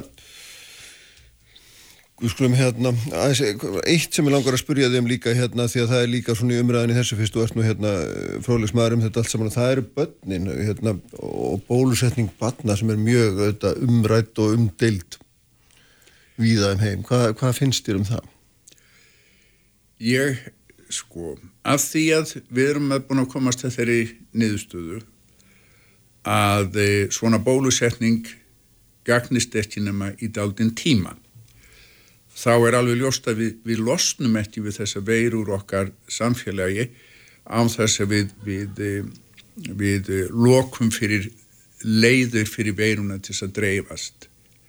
Og, og börn og ungmenni eru eins og stendur í eina þeim leiðum sem veiran leitar í til þess að koma sem víðast. Og við kom, getum ekki hveðið þess að þennan faraldur í kútin á þess að loka fyrir þá leið. Nei. Og leiðin til að loka fyrir, eða aðferðin til að loka fyrir hana er að, er að bólusetja börnin Já. í, það er búið sína fram á að bólusetning barna er, er, er ekki hættulegra heldur en að bólusetja fullorna, líklega hættu minna og, og bóluefnið hefur mjög kraftmikil áhrif á ónæmistjörfið í börnum þannig að þetta er ósköp eðlilegt að gera þetta mm. nú menn eru svolítið menn eru svolítið kvínir yfir því að þetta geti valdið bólgu í godlushúsi, bólgu í hjartaðvöð og svo framvegis sérstaklega sjá sjá pillbötnum en tilfellin af slík voru askaplega fátjætt og uh, það eru, það eru svo bólka sem að þetta hefur valdi hjá þessum örfá einstaklingum hefur, hefur gengið tilbaka mm. en uh, það eru sko beðlilegt að mann veldi fyrir sér aukaverkunum alls konar livja og bólusetningir aðferða sem eru notaðu bæð mm. það er hlutverk okkar fóraldra að hafa áhyggjur af slíku. Já, akkurat. En svona held yfir það myndur við segja að, hérna það er bara stínsamlegt það er ekki bara stínsamlegt, það er nöðsilegt Já, já, akkurat, akkurat. Sumum, sumum finnst þetta mjög illnöðsin mér finnst það ekki eins illnöðsin ég held að, að, að þetta sé ekki stórhættulegt. Nei Hérna, eitt sem ég langaði að spyrja um Kari, hérna, því að við erum nú að fá setna nýja ríkstjórn eftir, eftir hádegi þannig að þú varst með þessa miklu undirskriftarsöfnin fyrir einhverjum árum síðan um að, færa hérna, hlutfall eh, til helbriðsmála upp í 11% landsamlegslu í maðurinn rétt. Eh, og þannig að sko ég held að við séum einhverstaðar í kringum átta er það ekki núna, ég er vel undir því Já. hvað, hvað hérna telur að þessi ríki stjórnminni fylla áskirðilar sko ég sko uh, núverandi fjármálráþara Bjarni Ben mm. hefur gaggrínt mig fyrir að haldað allar lausnir á vanda heilbiðistjónustunna félist í því að auka fjárfestingi henni og ég held hann að vera rétt fyrir sér. Það, var, það er mjög það er mikil það er mjög nöðsilegt að endur stipulegja heilbiðistjónustuna og það er kannski ósynsanlegt að hella mjög miklu meira fyrir í hana áður en þú ert búin að endurstýpulegja þannig að ég held að, að þessi ríkisjótt nætti að byrja á því að, að endurstýpulegja endurstýpulegja landsbítalan breyta að stilgreina hlutverk hérna ímsu þátt að helbiðstjónustunum betur og fara svo að, að fjárfesta mun meira í henni. Eitt af því sem ég held að sé alveg livsnauslegt að gera er að minka greiðslu þáttöku fólks í landinu í heilbíðsfjónustunni og það er, það er ekkert að því að auka skattheimtu til þess að borga fyrir það vegna þess að þessi gamla rauksend gegn skattheimtu sem er svo að, að þegar þú, heim, þegar þú rukkar inn mjög mikla skatta þá tekur á fólki möguleika að því að búið til meiri verðmæti mm. með því fyrir sem það hefur svo, svo rauksend hún virkar eftir þegar kemur í heilbíðsfjónustunni vegna þess að peningarnir fara bara í heilbíðsfjónustuna hvort svo sem þær fara beint úr þínum vasa eða úr þínum vasa til, til ríkisins og taðan til heilbíðstjónustunar. Þannig að aukinn skattheimta til þess að, að taka í burtu greiðslu þáttöku er eiginlega bara svona nokkuð svona raðgreisla mm. fyrir, fyrir heilbíðstjónustu sem þú notar þér einhver tíman á lísliðinni. Starrindin er svo að, að, að að þú þart mest af heilbíðstjónustunum halda þegar þú ert komin á þann aldur að þú ert ekki lengur með tétjur þannig að þú komin á eftirlögin og, og e, það er mjög stjínsanlegt að hjálpa eldra fólki við að standa ströym af, af heilbríðsjónustu með því að, að gera takk í burtu greiðslu þartöku og, og rukka af ofnbergjöld af þessu fólki meðan það er með sína tétjur Já, já. Þannig að við borgum, hérna, borgum fyrirfram. Borgum fyrirfram, þetta er bara fyrirfram greiðsla. Já, já. Ég held að það, það sé eitt af stípulasbreytingunum sem var mjög stjinsanlegt að taka upp og fælist í því mikinn aukning á réttlægt í samfélaginu. Nú síðan, síðan er þetta spurninginum á öll heilbriðsfjónust að vera ríkisreikin eða á að vera innan helbriðskerfisins eh, rúm fyrir alls konar ekstra form og ég er á því að það eigi að vera það. Já, Það er að ég held að það eigi að vera ein, eitt helbriðskerfi og, og ef að innan þess er, er einhvers konar engar ekstur, þá verður hann að vera á því formi að það hefði allir aðgangað í og það sé ekki stipulagt að þann hátt að þeir sem, sem meira eiga geti keft sér betri helbriðstjónustu. nei, akkurat. En er það ekki nokkurn veginn þannig núna?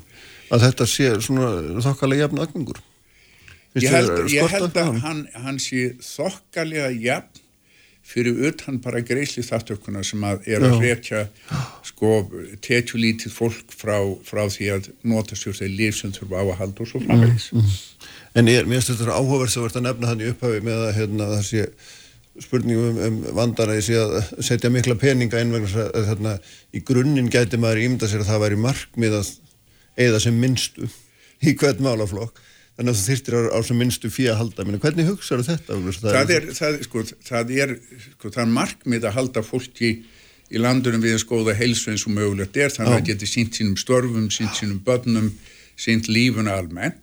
Þannig að ég held að, að það sé ekki markmið í sjálfum sér að eigða sem minnst í það. En þegar ég er að tala um nöysum þess að endurstípilegja, þetta er einn stór þáttur í helbiðsfjónustu í landinu, stór kostnæðiliður, eru engar rekna stofur út í bæ það sem eru einirkjar út um allt og það er mjög erfitt að vinna sem einirki. Það er að segja að, að e, þú ert með mjög lítið gæða eftirlit í sjálfum sér, þú hefur engan sem er að, að, að sko, lítið við öxlun á þér og svo framvegis og framvegis. Og ég held að það er ekstra form einirkjana sem sérstaklega dýrt og óhendurt. Mm. Og ég held að það sé mjög mikilvægt að, að e, þó svo við viljum gefa fólk í tækifæri til þess að stipulætja svúltíð eigin vinnu, þá er þessi mjög mikilvægt að, að losnað mestu við það ekstra form. Aha. Þannig að það myndi vera með stærri einingar Stærri einingar sem Já. að hefði tækifæri til þess að stipulætja sig, það sem að það er því, sko hver, það sem að, að svona eins og lækna mistöðum upp í mjót, að það er því rétt sem, sem, rekstrar eining, ekki bara samsafn einstaklingar sem koma saman á einum stað. Já, akkurat. En það er hérna til þess að gera alla þessa breytingar sem að svo sem margar ættar hafa verið í gegnum einhverja, einhverja ára tugi þá þarf, hérna, þarf þetta mjög sterkan ráð þeirra og, og mjög skýra sín til þess að koma þessi gegnum þarna tógar þetta tógast mjög margt á. Í eitt, einu með við gleyma að, að núvarandi heilbriðsmálráð þeirra, hann, hann lagði fram frumvart til lag um heildastýpulagningi heilbriðþjónustuna sem var, var mjög, sko, var, var e, svona heildarstýpulag, það var mjög lítið að smáatriðum í því, það var mjög lítið um það kvittnægt er hindað þessi framkant, en, en það var nokkuð stýrlýsing á, á markmiðum sem ég held að hafi verið til mikill að bóta en, en e, það komst ekki lengur og leiðan svo við höfum þessa, þetta, þessa, þessa sko yfirsýn úr, úr 30.000 fetum á þess að menn séu farnir að, að eh, skoða smáitrið í kvinni við tökum núerandi nú, þá núerandi aðstúð og fellum hann að þessu heildar markmiði. Já, akkurat. Og síðan náttúrulega blandast inn í þetta þó að það sé hún flóki máluland hérna, það er auðvitað þessi fjármögnun sem að verður að tala um þessi fylgir hérna fylgir verkefnum í raun og verum. Já, ég, sko, ég held að við hljótum að, að vera reyðubúin til þessum samfélag að leggja það sem til þar til þess að geta réttið fyrstaflóks helbiðistjónustu. Þú sér við erum að leggja að minni hundrasluta af eh, þjóðarframlestu í heilbiðistjónustuna heldur en löndin í kringum okkur en á meðan ég held að heilbiðistjónustan hjá okkur hlítur meiri sé verið að dýrari á nefn hvert að því við erum það fá. Já, já. Þannig að þessi, mis, þessi munur á því sem við leggjum í og það sem að til dæmi svíjar, danur og norman leggji held ég að sé í rauninni meiri heldur en, heldur en lítur út fyrir úr fjallægt. Mm. Því að, að við erum það fá að e, það eru að öllum líkjendum er heilbíðstjónustan á legkvært miklu dýrari. Já. Mm -hmm. Herru, við skulum hérna fara að segja amin eftir efninu en bara rétt svo við hérna við farið með þér aftur í upphafi þá hérna svona það er þitt mat að við þurfum ekki að hafa sérstakar áhuga ágjur af ómingrónum. Við, við, við, sko, það eru alls konar fyrirbríði sem geta sprottið upp í okkar samfélagi sem að gera það verkum að við, við ættum að, að hafa áhyggjur og raunverulega allt sem lítur að þessari veiru eins og stendur er þessi eðlis að við þurfum að velta því fyrir okkur. En akkurat þessi, þessi stöpp, þetta stöppbreytingja minnstur mm. hefur ekki enn sínt fram á að það valdi stór breytingum að hegðun verunar þannig að ég held að við eigum að býða þannig að við sjáum merkjum slíkt áður um fyrir að rúka upp til hand og fóta. Já, ljómandi. Kári Stefán, takk einnilega fyrir að koma. Og það er verða hér eftir augnablík hjá mér Fýta Abu Líbed og Guðni Birna Guðmundsdóttir. Þetta eru fram á konur úr félagi hvenna í atvinnulífinu á Suðunessum. Sprengisandur á bylgjunni. Sprengisandur á bylgjunni alla sunnundasmórna. Sælir aftur hlustendur, þá er Kári Stefánsson farin hér frá mér eftir, eftir yfirlit um þessa þetta veiru afbreyði sem að hefur nú verið mikið í fréttum en Kári taldi nú kannski ekki á, á, ástöðu til þess að hafa brjálagar áhyggjur af því að mistu ekki sem stendur á hann við vitum svona meira Omikron vírus hérna sem fannst í Suður Afríku og svo framvegis. Rætum þetta allt hér og þess fara aðeins yfir í einlenda helbriðskerfi svona í tilefni að því að nýríkistjórn er að, er að hérna verður kynnt eftir háttegið en ég ætla að venda mínu hvaði kross. Þær eru sestar hér á með framvorkonur úr félagi Kvenna í atvinnulífinu á Suðunísum þetta eru Fýta Abu Líbde og Guðni Birna Guðmundsdóttir. Sælarblæsaðar og velkomnar til mín. Takk fyrir. Uh, Þið eru semst, ný deild í félagi Kvenna í atvinnulífinu og, og hérna á Suðunísum og þarna þið þurfa að segja mér af hverju.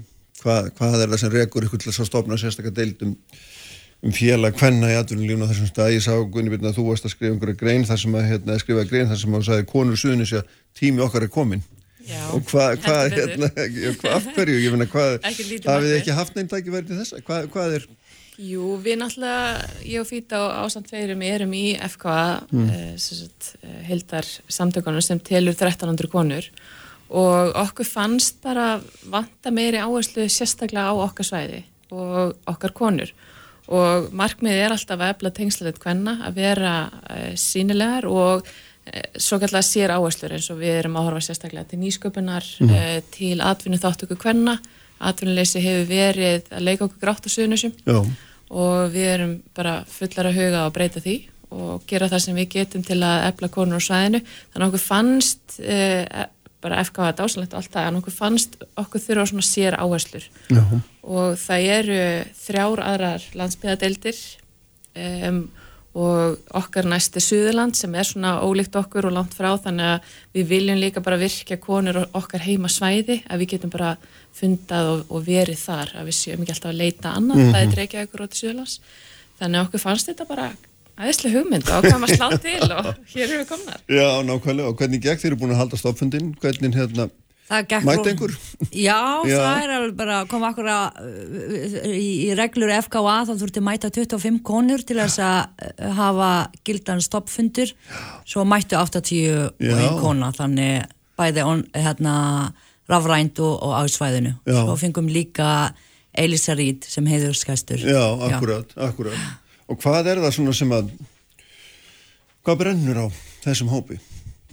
Hvað brennur á þessum hópi sem að þarna kemur saman og hérna vil einhvern veginn tengjast betur og hvað, hvað er það Við erum eins og Gunni var að nefna að það er alveg hérna, þetta er sérstaklega svæði og við erum búin að vera fara gegnum áfællum eftir áfællum og atvinnilegi er mjög há hjá okkur og, og það er staðurind að uh, við þurfum aðeins að gera hlutinnar öðruvísi til þess að koma vega fyrir sumu áfællin aftur og aftur. Mm -hmm. Þannig okkar hugmynd var að ebla eh, konur á svæðinu og sérstaklega í nýskupun. Þannig við erum ekki háð einu starfsemi Já. sem eh, ef það ákveður að flýja land eða ákveður að ekki halda áfram að byggja álver eða það sem er að gerast á suðunni sem við helgum vik að það eru 10-20 fyrirtæki, nýskumuna fyrirtæki sem getur tekið við atvinnulífið og skapa verðmæti á svæðinu. Já, þannig að atvinnulífið hefur verið alltaf einsleitt, einsleitt og fábreytt náttúrulega þetta flugið annars vegar og svo hins vegar þessi greiðlega áhersla á stóriðu sem að hérna, hefur nú ekki gengið vel. það er nú mikil sorgasaga. Mikil sorgasaga, en, en við erum uh, að horfa frá því núna. Nú er náttúrulega mm. uh, önnur áhersla komin í Helguvík og og við bara horfum til bjartari framtíðar til að mynda, við erum að fara að opna Dalskóri 3 í Reykjanesbæ og það eru 700 íbúðir, við finnum mikinn áhuga á, á fólk að flytja til okkar bæði í, mm. í öll sveitafélagin ekki Já, bara í Reykjanesbæ Hérna ég hef glemt að geta þess að þú ert auðvitað bæjafulltrú í Reykjanesbæ líka Já, Já. Passar, þannig að við, við sjáum hérna, aðstæðnar í dag og, og einmitt aðstæðnar fyrir að við ákvæmum að fara með þetta stað núna er að það er þvílikur áhugi á svæðin okkar, það er uppbygging til staðar og verður mm. framöndan, þannig að ef að e, sveitafélagin og ef að e, koma með hérna, e, aðstæðunar til uppbyggingar og ef við erum að mynda styrkin og við erum að mynda tengslanetið og að fólk getur leita til okkar konur á svæðinu að þá munu framtíðar hugmyndin er að fyrirtæki munu koma til okkar og vilja vera hjá okkur, vilja flytja stað mm og við getum allt aðunvegin, það er náttúrulega draumurinn og þannig eitthvað starf verður við að byrja Já, nákvæmlega. Fyrir þú ert náttúrulega engin nýgraðingur þegar kemur að fyrirtækjarækstri. Þú ert búin að vera að reyka hérna, mjög blómlegt fyrirtæki, nýsköpunum fyrirtæki sem heitir Geosílíka og hérna er búin að vera þar eitthvað tíu árbráðum. Já. Stopnaður það og ert framkvæmtastjóri eða framkvæmtastýra eins og stendur og vist. Hérna. Já, það er rétt. Seg, segðu mér aðeins að þú verður að byrja í dag. Hvað er það sem að þarf að gera til þess að þessi, þessi nýsköpun geti átt sér stað til þess að hérna Já, fólk getur byrjað með fyrirtæki og haldið svo hérna velli Það er uh, bara bæta við það sem Guðni var að segja það er að skapa svona aðstöðu fyrir hugmyndi til að þess að vaksa mm -hmm. það, okkur vantar það á Suðunísjum hvers, hvers konar aðstæða á það að vera? Það er aðgengi á sérfræðingum fjármagn, húsnæði svona uh, smiðjur til að geta búið til prototýpa til að koma hugmyndin strax, uh, koma hugmyndin á framfæri.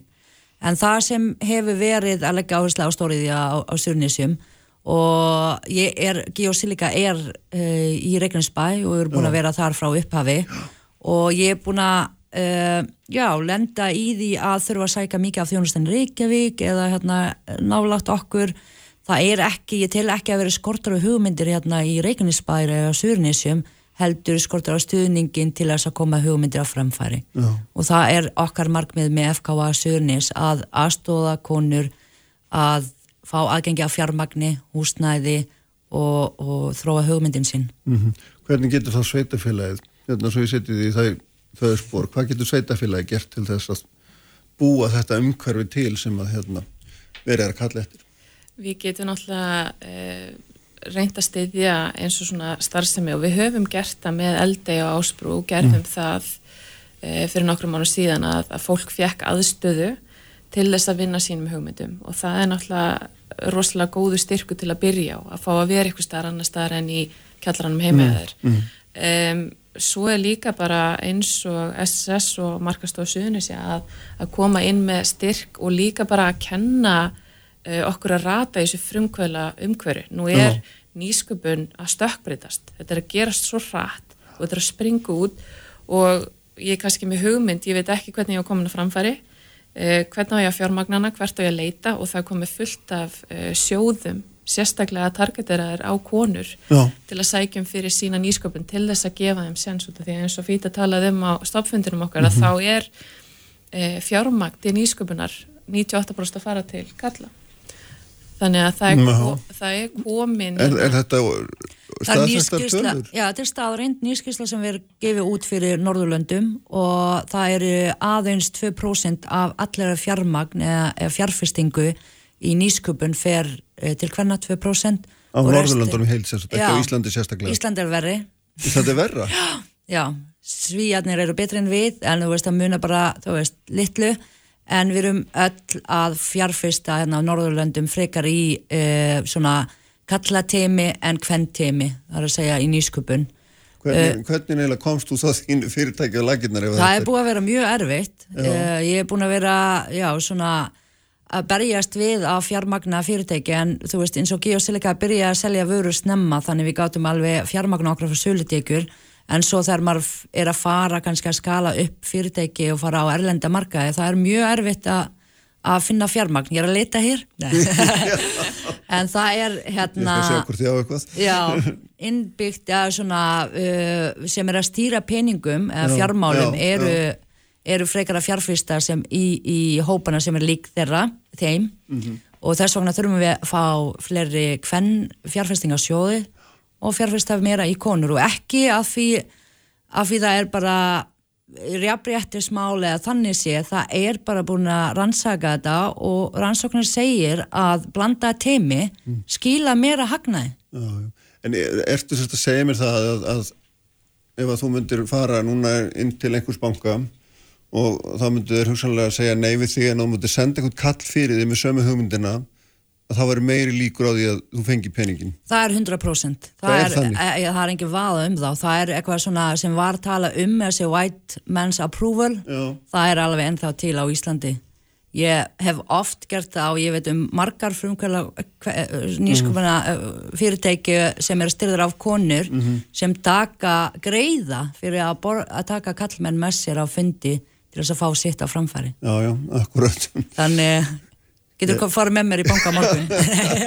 það er mikið sem að ég væri rétti með það nýða en ég heilt svona sögur svo vissulega. Þetta er, já, þetta er sorglegt en þetta er staðrind og þess vegna tingslinit, okkar tingslinit, FKA Suðurnísja, mm. uh, skiptir máli að við stöndum saman og veikum aðtiklega þetta málefni og, og, og förum saman í banka og segjum við getum þetta líka. Já, þetta er alltaf stórmerkilegt hérna, Gunni, þú, sko, þú ert hérna, stjórnaformaður í HS veitum fyrir utan að vera bæfulltrú þú, þú ræður öllu hann í Reykjanesbækrin mér sýnist það. Eh, hérna, og ert fyrsta konan þar ekki satt? Já, og það er svona skemmtilegt við ykkur að því saman að þið eru báðar í svona í sækið í hittan, það er ykkar tengist ykkar þar sem ég begja að, og, og, og, það er náttúrulega orkugarðar hérna á suðunni svona þess að menn er að horfa mjög mikið á er það ekki nýtingu Jú, við náttúrulega hýta þetta Suðunisja uh, skiptist upp 2008 í HS Orku annars mm. sem sér um hérna, orkuöflunna og svo HS Veitur sem að dreifir heitu Gölduvatn og Ramagni þannig að jú, það er uh, við erum með orkugarða þarna á sveðinu og heilmikla uppbyggingu Já. og HS Veitur er að koma mjög stert inn í, í sjálfbarnamálum og, og hérna í alls konar verkefnum, í varmadælverkefnum, mm. í að setja hérna mæla í staðin fyrir hemla, þannig að við erum að koma í veg fyrir orku sóun, þannig að það er spennandi tíma framöndan í orkunni, mm -hmm. vissulega. En er þið að vinna með einhverjum svona fyrirtækjum eða hvernig? Um, nei, ekki ekki um, um, ekki að miklu leiti, sko. Við erum allavega, uh, við erum í samstarfi við HS Orku mm. til að auka nýtingu á, á hérna, steinöfni sem fellur til hjá þeim, þannig HS Orka er alveg svona stýður við fyrirtækinu á svæðinu og náttúrulega hérna eh, he, hefur gert það í svolítinn tíma með bláalónið og, og, og öll þessi starf sem hefur svartsengi. Svo erum við í samstarfi, já við erum sér orkufyrirtæki landsvirkjun og orkuvitan Reykjavíkur. Já. þannig það er áhugi frá auku fyrirtækinu eh, fyrirtækja að auka nýtingu á verman og, og skapa meira verðmæti. Já, akkurat, við skulum hérna taka inn okkur ölsingar og haldum svo áfram eftir, eftir ögnublik Með þér allan daginn. Bilgjan Sprengisandur Alla sunnudaga á Bilgjunni Sæli hlustendur, hérum hér á lokasprettinum á Sprengisandinum í dag. Það eru hérna hjá mér. Guðni Birna Guðmundsdóttir sem er bæjarfjöldtrúi og bæjarfjöldtrúi Reykjanesbæ og stjórnaformaður H.S. Veitna og svo Fýta Abu Lípte sem er eh, Frangværtastjóri eða frangværtastýra og stopnandi nýskupinu fyrirtækisins Geosilica sem að framleiðir fæðbótar efni úr kísil. Sko hérna, er forvitin um þig. Þú sé var að lesa að þú ert palestínu maður eða palestínu kona. Öllu heldur og komst bara hingað á úlningsárum. Uh, og hérna, segð mér aðeins hvað gerði svo? Já, ég fættu alveg upp í Palestínu Já. og við fluttum fjölskyldan hérna, þá var ég 16 ára. Já og já, ákveðum bara að koma til Íslands að leta betri líf, betri framtíð betri mentun. Komstu sem flóttamæður eða bara? Nei, Nei.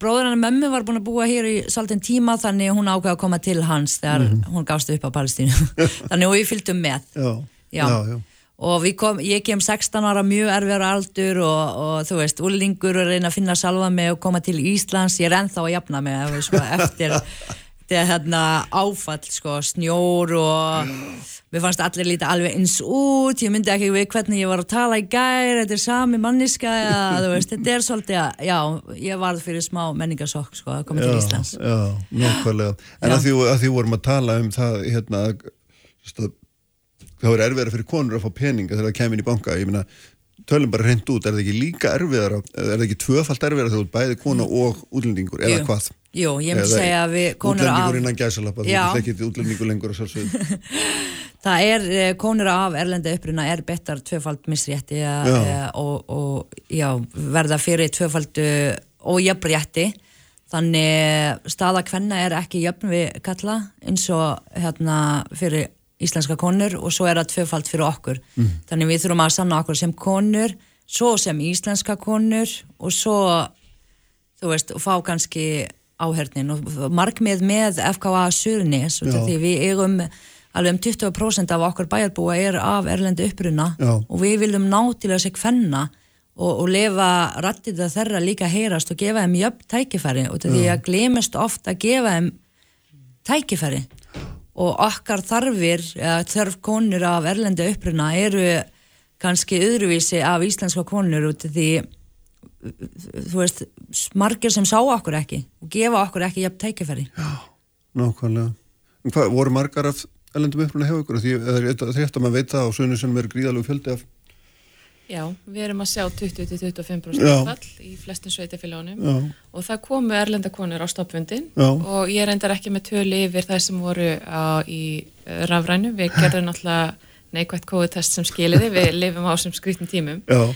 en sem betur fer, jú, það komu nokkrar. Og Já. við viljum bara líka nota tækifæri hér að hvetja konur á sögnu sem að skrási í FKA, getur skráða á fka.is og hérna og þá getur við hefur aðganga félaginu sjálfu og náttúrulega sérstaklega að okkur. Já. og nú erum við bara að fara á fullt, kannski eftir jól við gerum nú lítið í jólamáninni en að halda fundi targetera ákonur á sögnu og, og svona greina hver þörfin eh, hvað eru að skoða sérstaklega hvernig er atvinnleysi, atvinnleysi hefur reyndið skánað helling. Já, jú Það var náttúrulega hræðilegt á tíanbili yfir 20%. Það var hræðilegt og við svona... Sérstaklega meðal ellendra kvenna var það ekki ábyrgandi slemt. Við náttúrulega lokaðum fljóðvellinum og við erum náttúrulega með fullt af störfum heima, þjónustustörfum sem tengjast beint og óbeint ferðarþjónustunni. Þannig að þetta var alveg, kom okkur óbúst lítla en við vorum með yfir 3000 manns atvinnuleysa til, til að mynda í Reykjanesbæ í byrjun ás og núna er þeir um 1100. Mm. Þannig að við sjáum bjartari tíma framöndan. Já. En auðvitað eins og Fýta kom inn á við þurfum að vera meira inklúsi fyrir sérstaklega erlendarkonur og ná þeim í samfélag okkar. Út af því að við vitum það að um, erlendarkonur svolítið halda sér saman Mm -hmm. höfum við heyrst heima og við þurfum svolítið að ná þeim í að taka þátt Nei, er það ekki allstað þannig að hangi gíslendinga saman þegar þeir búið einhverjar annars það er ekki bara hjá öllum jú. svona meirið að minna sko. Já, en svona útvika hugtak jafnrétti og hafa hana jafnrétti fyrir alla hópa, ekki já. bara jafnrétti fyrir konur heldur að hafa þessi diversity, fjölbreytni innan mm. samfélag og innan fyrirtæki og öll samfélag, öll, öll félagssamtök og allt, allt sem við gerum en hinga til hefum við barist hjá FKA konur fyrir réttandi kvenna Já. og nú ætlum við að útvika hugtaki og berjast fyrir réttandi uh, mismunandi hópa Já, akkurat. Það er nú hérna, þetta er gaman þessu hérna fyrir að þú ert, kemur svona einhvern veginn á skáin í Ísland en, en Gunni, þú ert náttúrulega líka það er fyrir að tóka til því að þú ert hjúgrunafræðingur og ert ekki beint að heima vel í hittauturekstri Nei. Nei en þú ert nú búin að vera hann lengi í, í þessum bransan Já, já, ég, ég kem inn í stjórn Hásveitna 2015 en það er svolítið svona með uh, að fara í ný verkefni mm. og kynast þér eitthvað fara út fyrir þægandaramann. Og ég mæli með það fyrir alla að þú veist, jú, þú getur verið fastur í þenni búblu sem hún byrjaði í en það er svo gaman að vika sig og vika þína fagþekkingu og prófa nýja hluti og ég bara get ekki malt ná með þessu. Mm. að ekki sá ég mig fyrir í, í einhverjum hittaðutubransa hérna áður fyrr en ég er mjög þakklátt fyrir það og hef lært gríðarlega mikið. Já, og þú veist hægt að horfa á þessi mjúku og þungumál þetta er náttúrulega hluti af, af sveitafélaginu sem við fyrir mjög þessa stjórn. En konu geta gert allt alveg svo kallar, maður þarf bara maður þarf bara að kynna sér málun og setja sér inn í og vinna þið vel, það hvort sem það heita orkumáli eða eitthvað annað. Já, nákvæmlega, hérna fyrir að, að sko rétt áður við förum að þurfum að fara að hætta hérna, þessi hugmynd þín að gefa sér líka minna, hvaðan kom hún eiginlega? Eh, já, ég man það. Það er uh, eins og við vorum að tala um mm. áðan að hafa svona fjölbreytt deimi og öðruvísi svona hérna, uppruna uh, sem koma á svona fyrirtækjum er bara bætir bara hugmyndin og samfélag í heild. En ég var hilluð af orkuna bara frá því ég kom til Íslands og allir þessu göfu og hræringin og jörðin hristist og ég er alveg þannig ég ákvaði að fara í orkum umhverfis teknifræði og læra meira um jarvarmi Já. og í lókafergjafni mitt þar var ég að skoða möguleika nýtingu á þetta orga uh, sem fellur til og, og bara ákvaða í lokaverkefninu mitt að rannsaka hvort við getum búið til eða svona taka úr steinefni úr jarðhitta vatni og búið til fæðubátelefni úr því.